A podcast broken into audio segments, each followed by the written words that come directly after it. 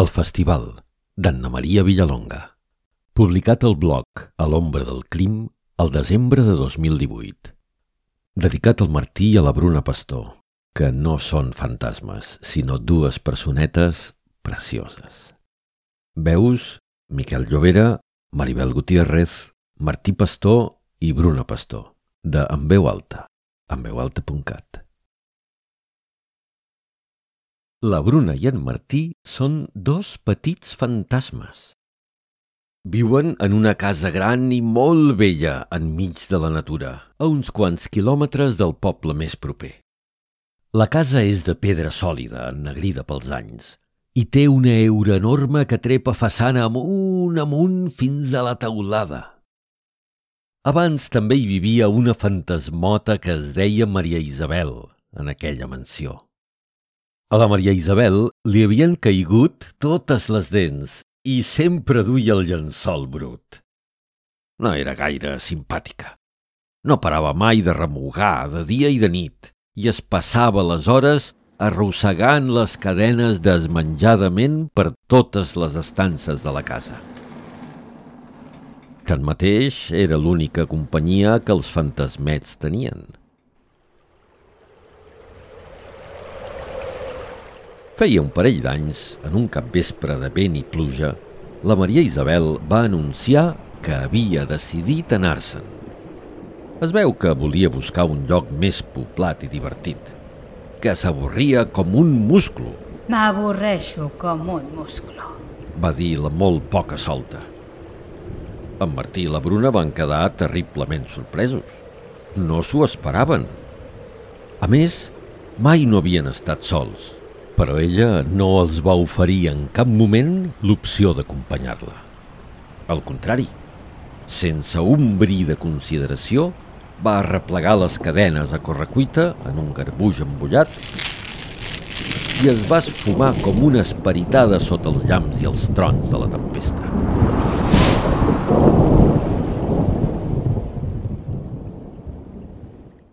Al principi va ser estrany, però amb el pas del temps, en Martí i la Bruna s'hi van acostumar. Si eren sincers, havien de reconèixer que ells també s'avorrien una mica. Vivien tranquils, però sense emocions. No hi havia res a fer en aquell casalot antic i perdut. Gairebé comprenien que la fantasmota hagués tocat el dos. Només els costava perdonar-li que, abans de fer-ho, no complís amb el seu deure d'explicar-los les tasques bàsiques de la professió. És que si volguéssim espantar algú, no tindríem ni idea. Es queixava en Martí. Ja, és veritat, però tampoc no tenim a qui espantar. Per tant, de moment, s'entretenien xerrant amb les sargantanes i ajudant les aranyes a teixir les seves teles. Res d'especial. Però vet aquí que un matí de feia uns quants mesos, de manera totalment inesperada, van aparèixer tres mortals desconeguts.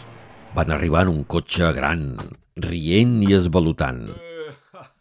Eren tres homes alts i ben vestits que, sense miraments, es van colar dins la mansió. Parlaven a tota veu i ho tocaven tot com si fessin una inspecció. Palpaven les portes, els vidres mig trencats, les parets, els marbres, obrien i tancaven les finestres i es carregaven matusserament les taranyines tan laboriosament construïdes. En Martí i la Bruna es van empipar de valent. Amagats rere una cortina polsosa, amb els ulls esbatanats sota els llençols, no se'n sabien a venir. Però què s'han pensat aquests burros? va protestar en Martí amb to de molta ràbia. Jo què sé. Va contestar la Bruna. Ni que fossin els amos. Ai, quina premonició. Perquè sí, malauradament eren els amos. Els fantasmets de seguida van esbrinar que aquells maleducats que gosaven alterar la pau de la seva morada eren precisament els hereus dels antics propietaris del casalot. Executius amb deliris de grandesa que pretenien obrir una casa de turisme rural de luxe, posar-hi jacuzzis, piscines, un bufet lliure a la japonesa, amb les puntes dels llençols eriçades Els dos petits ectoplasmes van adonar-se que el món plàcid que els envoltava estava a punt d'anar-se'n a Norris. De primer es van sentir envaïts i molt enfadats. Allò no podia ser. Ningú no hi tenia dret a fer malbé els seus dominis. Tanmateix, de cop i volta, a en Martí li va venir una idea. Escolta, Bruna, potser aquesta és la nostra ocasió. Si ens dediquem a espantar aquesta gent, ja no ens avorrirem tant. Podem passar uns dies molt divertits. Sí, ostres, molt ben pensat. Però que no te'n recordes que no sabem com fer por? En Martí va callar en sec. Era veritat. La malcarada de la Maria Isabel no els havia transferit la saviesa fantasmal, que era una obligació dels fantasmes grans amb els petits. Sempre va ser un irresponsable. Asseverà en Martí. Irresponsable i lletja. Va reblar la Bruna. Sí, de lletja ho era molt. Però això ara és igual, dona. El que importa és aprendre l'ofici. Què podem fer? Van passar uns quants dies donant-hi voltes mentre el casalot s'omplia d'obrers i de màquines sorolloses que ho removien tot.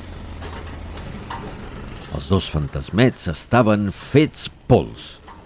Literalment, perquè amb tant d'enrenou duien els llençols ben empastifats. Tenien els ànims per terra. No se'n sortien. No feien por ni a la de tres.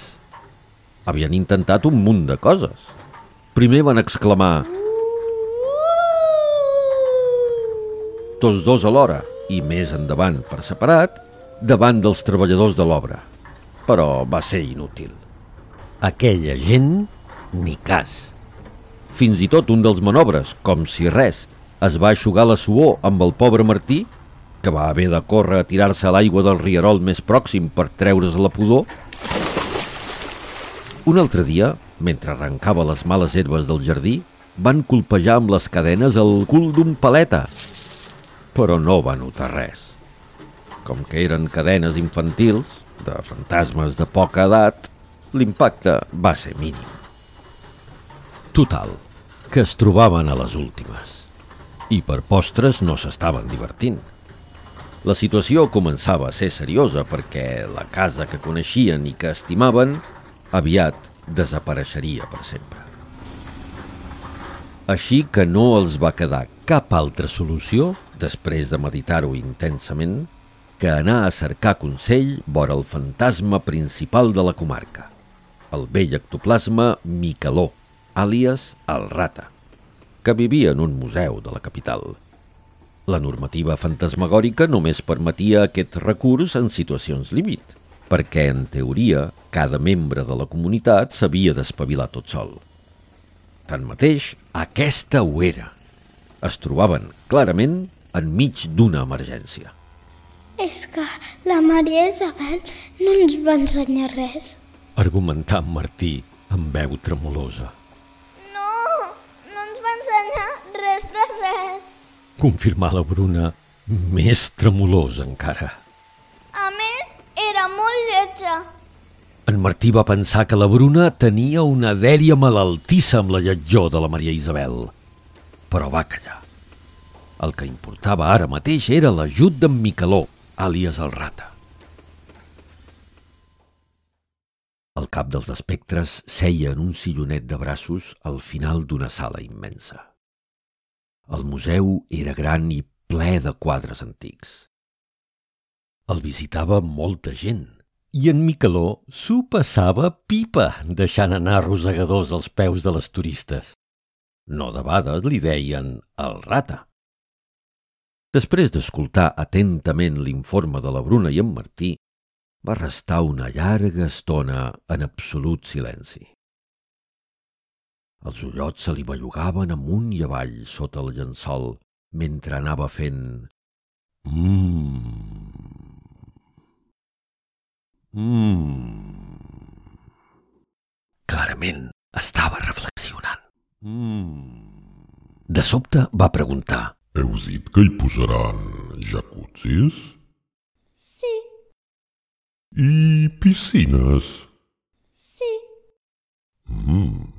Hi haurà bufet lliure a la japonesa? En Martí va respondre Sí, amb peix cru d'aquell que té tant d'èxit. Doncs... uns instants més de silenci i de cop en Micaló, el rata, va esclatar. Què hi fem aquí? Anem tots cap allà. Per què coi voleu foragitar aquesta gent? Jacuzzis, piscines, sushi... Això serà un festival. Tots cap a la mansió. Però... Però... Van murmurar els infants ectoplasmes, sense entendre res. Res de peròs. Va cridar el rata. Vinga, som-hi! I allà que en pocs dies s'hi van instal·lar tots els fantasmes de la comarca. N'eren més de 40. De manera que sí, la vida a la mansió, aviat convertida en una luxosa casa de turisme rural amb capacitat exclusiva per una vintena d'hostes selectes, va esdevenir un festival. La població del més enllà duplicava el nombre de clients, però no tenien gaires ganes d'espantar-los.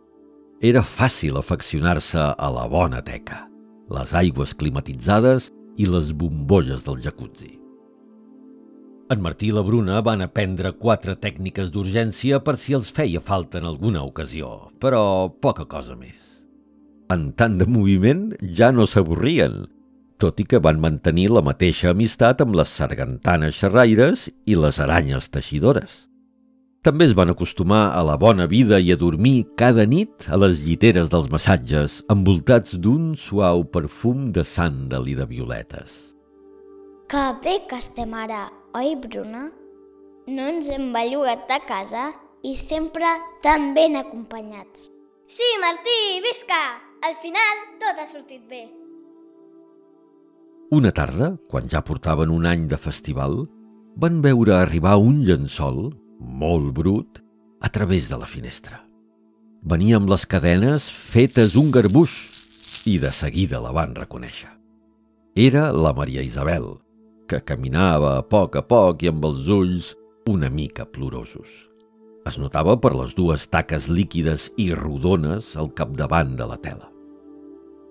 En Martí i la Bruna van sortir a rebre-la. Que... que em puc quedar? Va preguntar fent el botet. Sé que no em vaig portar gaire bé, però... us he trobat a faltar. Potser encara puc rectificar, no? M'han dit que aquesta casa ara és molt divertida. Em perdoneu? Els fantasmets van sospirar profundament, una mica dubtosos. Però al capdavall, com que tenien bon cor, li van dir que sí, que la perdonaven i que es podia quedar. Quan s'allunyaven pel passadís cap a una sessió de jacuzzi, la Bruna, però, encara va insistir. Continua tan lletja com sempre. No trobes? En Martí, sense respondre, tan sols va somriure.